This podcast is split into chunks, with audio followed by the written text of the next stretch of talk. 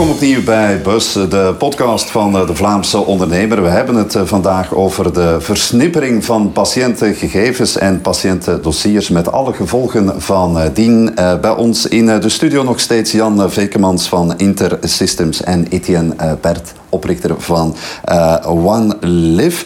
Ehm, was er in het begin tegenkanting toen je met die app op de proppen kwam? Jazeker, we hebben eh, enorm veel tegenkanting eh, ervaren. Voornamelijk omdat men niet wil afstappen van het systeem de dokter en de apotheker zijn de enig juist geplaatste om een patiënt gaan te begeleiden. En dat klopt, dat is zo. Maar uh, door de evolutie is die tendens sterk aan het veranderen. We kennen nu de patiënten stoppen. We kennen nu de problemen die ook apothekers ervaren. Er zijn een aantal apothekers die eigenlijk niet meer rondkomen. faillissementen in de apotheekwereld. Dus dat zijn allemaal tekenen aan de wand Plus is die patiënt mondiger geworden. Uh, uit onze onderzoeken blijkt dat die patiënt eigenlijk de regie wil gaan voeren over zijn eigen gezondheid. Ja? En hij kan die regie zeker gaan waarnemen. Waarom? Omdat hij die, die lifestyle die hij aanhoudt, dat maakt een heel groot deel uit van zijn gezondheid.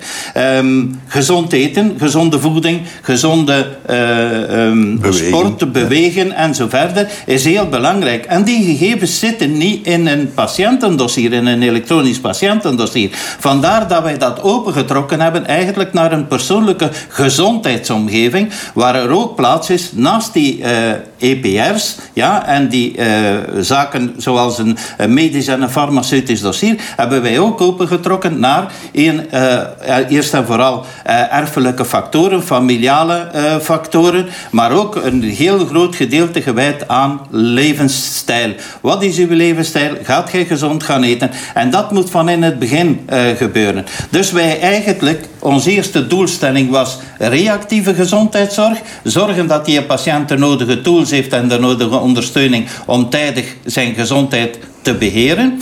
En langs de andere kant overschakelen naar een proactieve gezondheidszorg. Want als wij obesitas kunnen gaan aanpakken en dat gaan verminderen, dan gaat u zien dat er een enorm budget gaat vrijkomen om eigenlijk voor een betere gezondheidszorg te zorgen. dat is eigenlijk de doelstelling van. Eigenlijk teruggaan naar 3000 jaar geleden. Hè? De gezondheidszorg 3000 jaar geleden het is misschien iets voor uw tijd geweest. Ik herinner mij dat nog heel vaak. Ik was toen nog heel klein. Die was eigenlijk omgekeerd aan dat hem nu is. Hè. Als je gaat kijken, 3000 jaar geleden, dat werd een, een dokter, of hoe dat je hem toen ook mocht noemen, die werd eigenlijk betaald met kippen en eieren en noem maar op, zolang als jij gezond wordt. En die werd niet betaald als jij ongezond was.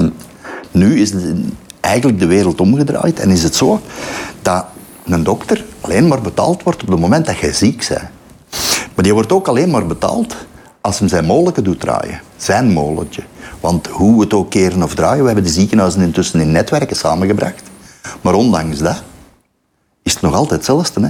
Alleen als hem in dat ziekenhuis behandeld wordt, krijgt dat ziekenhuis geld. En wij weten allemaal dat de ziekenhuizen moeite hebben om rond te komen. Dus die gaan moeilijk zeggen van, weet je wat, ga maar naar dat andere. Ja, want die budgetten staan inderdaad zwaar onder druk. Ja, dus. Maar daar is, is dit een, een hulpmiddel. En niemand mag dit zien als iets dat hun in gevaar brengt. Het gaat hun juist helpen. Eh, heel simpel, ik ben een paar weken geleden nog in de problemen gekomen. Eh, en, en, men ging gaan zoeken. En eigenlijk is het de Dr. House-oplossing die de oplossing heeft gebracht. Want het bleek dan te liggen, om het zomaar even te zeggen, in een stom pilletje. Dat inderdaad interactie had met en waardoor dat onverklaarbare symptomen optraden, die als ze gingen kijken, en, en dat is een van de problemen die we ook in onze geneeskunde zien, hè, dat is, je hebt een dokter die gespecialiseerd is in je hoofd, je hebt er een die gespecialiseerd is in je teen, je hebt er een die doet je bloedvaten, je hebt er een die doet de rest van wat dat er daar binnen allemaal, hè, er loopt zoveel rond. Hè. Maar die kijken allemaal naar hun specialisme. En die kijken ook met de informatie die zij hebben. Wat je nodig hebt op een gegeven moment is een generalist. En ik, ik moest naar zo'n generalist gaan. En ik had het gelukkige nieuws gekregen dat ik in maart 2024 zou mogen gaan. Ja, nog even wachten dus. Hè? Maar daartegen was ik misschien al dood. Ik, ik, ik overdrijf, ik begrijp wat ik bedoel. Maar dit is juist waarom dat een overzicht in zijn geheel, gebaseerd rond de patiënt, zo belangrijk is. Ja, uh, de helikopterview, uh, zeg maar. Dat past ook een beetje in jouw kraam. Los van Intersystems uh, hebben we natuurlijk Wacht, ook... ik zet met een andere hoed op. Ja, voilà. one patient, one record. Ja. Vertel daar eens iets over. Wel, ja, het is, het is oud nieuws. Ik heb vier jaar geleden heb ik kanker gekregen. Mm -hmm. Ik ben daar een nier aan kwijtgeraakt. En, en er liepen een aantal zaken fout. Ten eerste, je krijgt van de anesthesist zo'n vragenlijst zo, en dat lijkt op een rol wc-papier, of toilet of keukenrol of wat je het wilt noemen. Je kunt er zo doorlopen en dat vraagt, zijn jij zwanger? Nu, kan u verzekeren, hè, we hebben intussen gender fluidity, maar ik ben gewoon een man, punt. Hè? Dus dat is al een vraag die je eigenlijk niet zou moeten stellen. Maar in die lijst staan zo'n hele hoop vragen en staat ook heel wat informatie die eigenlijk het ziekenhuis al zou behoren te hebben. En ik eigenlijk veel liever zou zien dat ze die lijst invullen en dan naar mij sturen, dat ik kan zeggen, hé hey mannetjes, dat heb je fout. Een van de zaken die er is fout gelopen is dat de anesthesist heeft uh, twee kleine dingetjes over het hoofd gezien. Ten eerste dat ik uh, een zware allergie heb voor noten. En de nabehandeling van het verwijderen van een nier is een pijnpomp. Hè? Dus alleen de pijnpomp die ik zou gehad hebben, zou complicaties tot gevolg hebben gehad waardoor ik zou gestorven hebben. Want er zat iets tussen dat met notenallergie uh, in problemen zou komen. Dat is één. Het tweede was, ik heb een uh, heel zeldzame leverziekte, die ik al van mijn geboorte heb, waardoor dat ik uh, heel slecht reageer op verdovende middelen. Of dat dan nu recreationele of andere zijn. Het eindresultaat is dat die heel snel uit mijn systeem gaan. Maar dit was een operatie die tussen de 5 en de 8 uur ging duren. Als je mij gewoon een prikje geeft, dan word ik na 35 minuten wakker. Ik denk niet dat dat zo gezond had geweest. Als ze u zo van hier tot hier helemaal openleggen. Dus dat is de voorgeschiedenis die eraan vasthangt.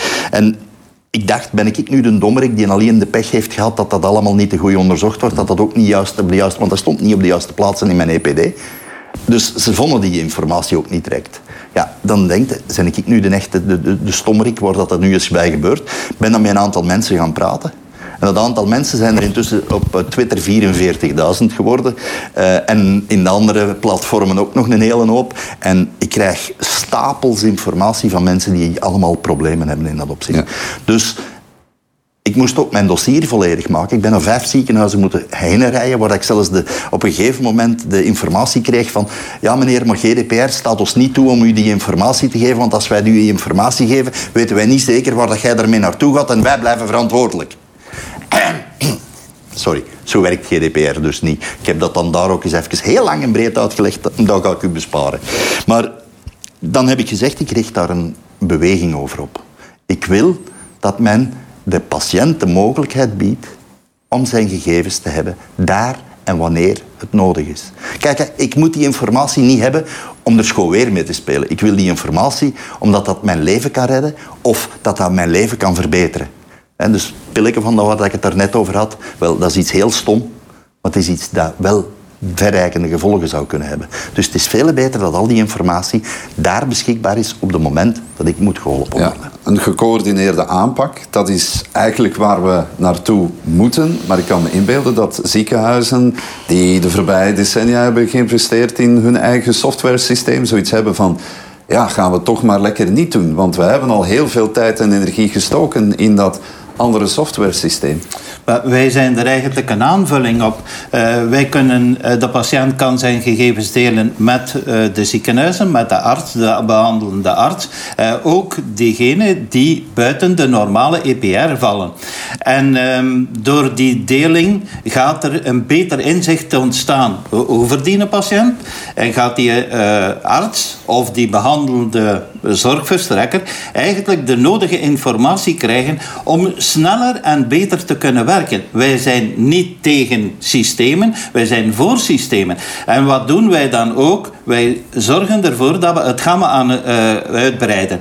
Wij uh, zijn op zoek naar nieuwe tools. Onder andere hebben wij nu een contact met uh, een bedrijf die eigenlijk slaap monitort, die voeding monitort. Wij hebben de stressmeter ehm, die we dus nu gaan implementeren in LIV, um, een stressmeter door Monoya. Wij werken dus samen met andere bedrijven die echt iets goed op de markt zitten.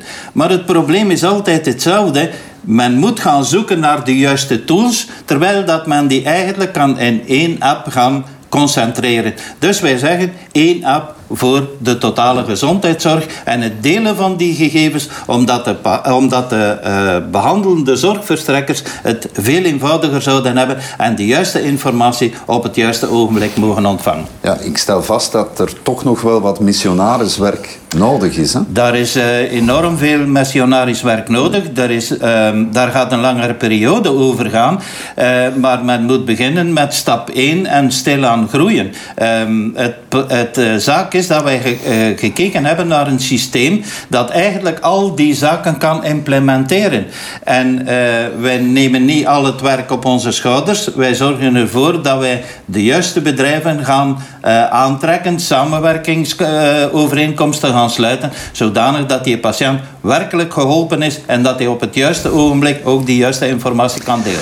De overheid heeft daar ook een rol te spelen. En, en een van de zaken die ook heel ja, af en toe komisch overkomen, is dat ik heel vaak hoor: ja, maar we hebben al veel te veel apps.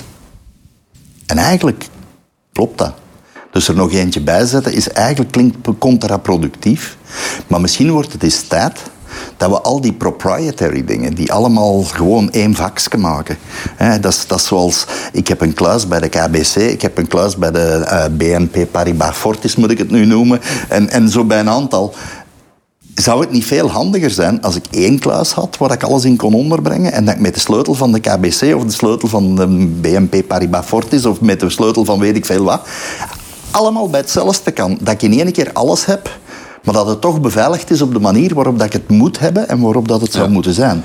Maar dan zeg je eigenlijk, de overheid moet in dit verhaal wel een rol gaan spelen in de toekomst. Er is, er is een duidelijke rol voor de overheid. En een duidelijke rol voor de overheid is een juist kader creëren waarbinnen dit kan. Hm. En dat is, je, je, je ziet heel veel overheidsinspanningen. We hebben um, European Health Data Space. Dus om de, op Europees vlak te zien hoe dat we de data uit de healthcare kunnen modelleren, eh, plaatsen geven en, en noem maar op. We hebben dan eh, het Belgische initiatief daaromtrent. Heeft een echt Belgische toepasselijke naam, BIR. Maar het wordt wel Belgian Integrated Healthcare Record genoemd. Dus het wordt wel bier uitgesproken, maar het is geen bier om te drinken. Maar uiteindelijk, als je dan gaat kijken, dan spitsen ze die, die zich in de eerste plaats toe op secondary use van data. Dat betekent het gebruik van de data voor onderzoek, voor andere toepassingen. En men vergeet daar heel vaak nog altijd de compleetheid en juistheid van data in primaire rang. Met andere woorden, waar blijft mijn patiënt weer? Ja. En zo hebben we elkaar ook gevonden. Zo heb ik mij ook gevonden met die andere ondernemingen, omdat het uiteindelijk allerbelangrijkste element is dat waar de patiënt is, de data is. Hm. Als ik morgen in Arlon in het ziekenhuis lig, moet mijn data ook in Arlon beschikbaar zijn. En om, om het dan even op een andere manier te zeggen, wij zitten met ons kantoor in Vilvoorde. Ik heb een medewerker en die komt uit Brussel. Je weet, Vilvoorde, uh, ja, sorry voor de concurrentie even te vermelden, wij zitten naast wat dat vroeger het VTM-gebouw was. Dat ligt op een vloerscheet, zeggen ze bij ons, van de ring van Brussel. Nu, die ring van Brussel is blijkbaar een heel zware uh, grens. Want uh, toen mijn, mijn medewerker op een gegeven moment eens een klein probleempje kreeg en wij dachten dat hij mogelijk een lichte hersenschudding had, zeiden wij van je gaat naar Jan Portaal, dat is ziekenhuis hier vlak achter de hoek. En daar hadden ze geen beschikking over de gegevens van hem, omdat die in Brussel zaten. Want wij hebben in België nog altijd drie federale, federale regio's. En de deling van de informatie is, laat ons het zo veilig mogelijk noemen, relatief mank. Hm. De tijd is uh, redelijk beperkt. Ik wil het toch nog even hebben over de evolutie. Mhm. Hoe zien jullie dit evolueren, um, Etienne? Laten we met jou beginnen. Wel, um, eigenlijk zien wij twee lijnen. De lijn van de gezondheidszorg en de lijn van de patiënt. De patiënt moet beschikken over de nodige tools om zijn gezondheid te kunnen beheren. En die gaan delen op ieder ogenblik met die zorgverstrekker. En zolang men de patiënt eigenlijk niet centraal gaat stellen in uh, het gezondheidssysteem, waar dat vroeger de uh, geneesheer, de huisarts eigenlijk het de centrale punt was, zeggen wij nu, en hebben wij ook uh, besloten uit de nodige ervaring die we opgedaan hebben door de enquêtes, hebben wij gezegd, kijk, voilà, wij stellen de patiënt centraal. Hij is degene die de data is, niet die de data uh, moet, moet uh, beheren in eerste instantie, maar hij is de data. En van daaruit kan hij dus zijn gegevens delen met iedere zorgverstrekking, waar ook ter wereld. Want uh, de wereld is mobiel geworden en daar ook moest een oplossing voor uh, gezorgd worden. Ik heb zelf een probleem gehad in het zuiden van Frankrijk en daar staat gedaan, dat moet je beginnen uitleggen. Een taal die je niet meester bent, terwijl dat die codering, die internationale codering van de World Health Organization eigenlijk juist uh, de bedoeling heeft van um, dat internationaal te maken. Dat is natuurlijk het ideaalbeeld. Um, Jan, hoe zie jij de evolutie van dit, uh, van dit alles? Wat wordt Wel, het toekomstbeeld? Wat het toekomstbeeld is, uh, Health House in Leuven geeft daar al een, een beetje een, een, zicht op. En dat is mhm. namelijk, er wordt minder en minder ingezet op de uh, aanwezigheid in een ziekenhuis, maar meer op de patiënt dat die meer in zijn eigen omgeving, want het blijkt dat dat wer beter werkt. Maar er zijn een paar mankementen die eerst moeten opgelost worden. Het allereerste is accuraatheid van data. Dus we hebben nu de hele tijd gesproken over beschikbaarheid van data. Maar ik denk dat ook een van de dingen die tegenhoudt is dat de, accuraatheid van data niet echt hoog is. Er zijn heel wat onderzoeken gedaan en die, die zeggen dat de data die in een EPD zit, dat die niet altijd zo correct is. Zelfs mensen die in een ziekenhuis werken zeggen mij, ik twijfel eraan dat alles correct is. Ik heb dat zelf dus ondervonden. De data stond er wel in, maar ze stonden niet waar ze ze konden zien. Dus dat is de eerste stap. Dat is, maak de data correct, maak de data beschikbaar. En van daaruit mijn grootste uh, pleidooi op dit moment is: stop met nieuwe dingen te willen gaan doen. Maar zorg dat de dingen die er nu zijn, dat die goed zijn en dat je je voorbereidt op waar je naartoe wil. En dat is eigenlijk het hele punt. Je moet een traject maken en je moet eigenlijk, eh, om het met de Stalin-tijd nog te zeggen, je moet een 30 plan maken en dat uitvoeren vanaf stap 1 en niet naar stap 16 springen vanaf nu. Ja, een uh, mooie oproep naar alle actoren in uh, de Inderdaad. Vlaamse gezondheidszorg en uh, ver daarbuiten. Jan Vekemans van Intersystems en Etienne Bert, oprichter van One Live. Heren, dank jullie wel voor de komst naar de studio. U thuis of waar dan ook bedankt voor het kijken en of luisteren naar Bus. De podcast van de Vlaamse ondernemer. Bedankt voor nu en heel graag tot de volgende.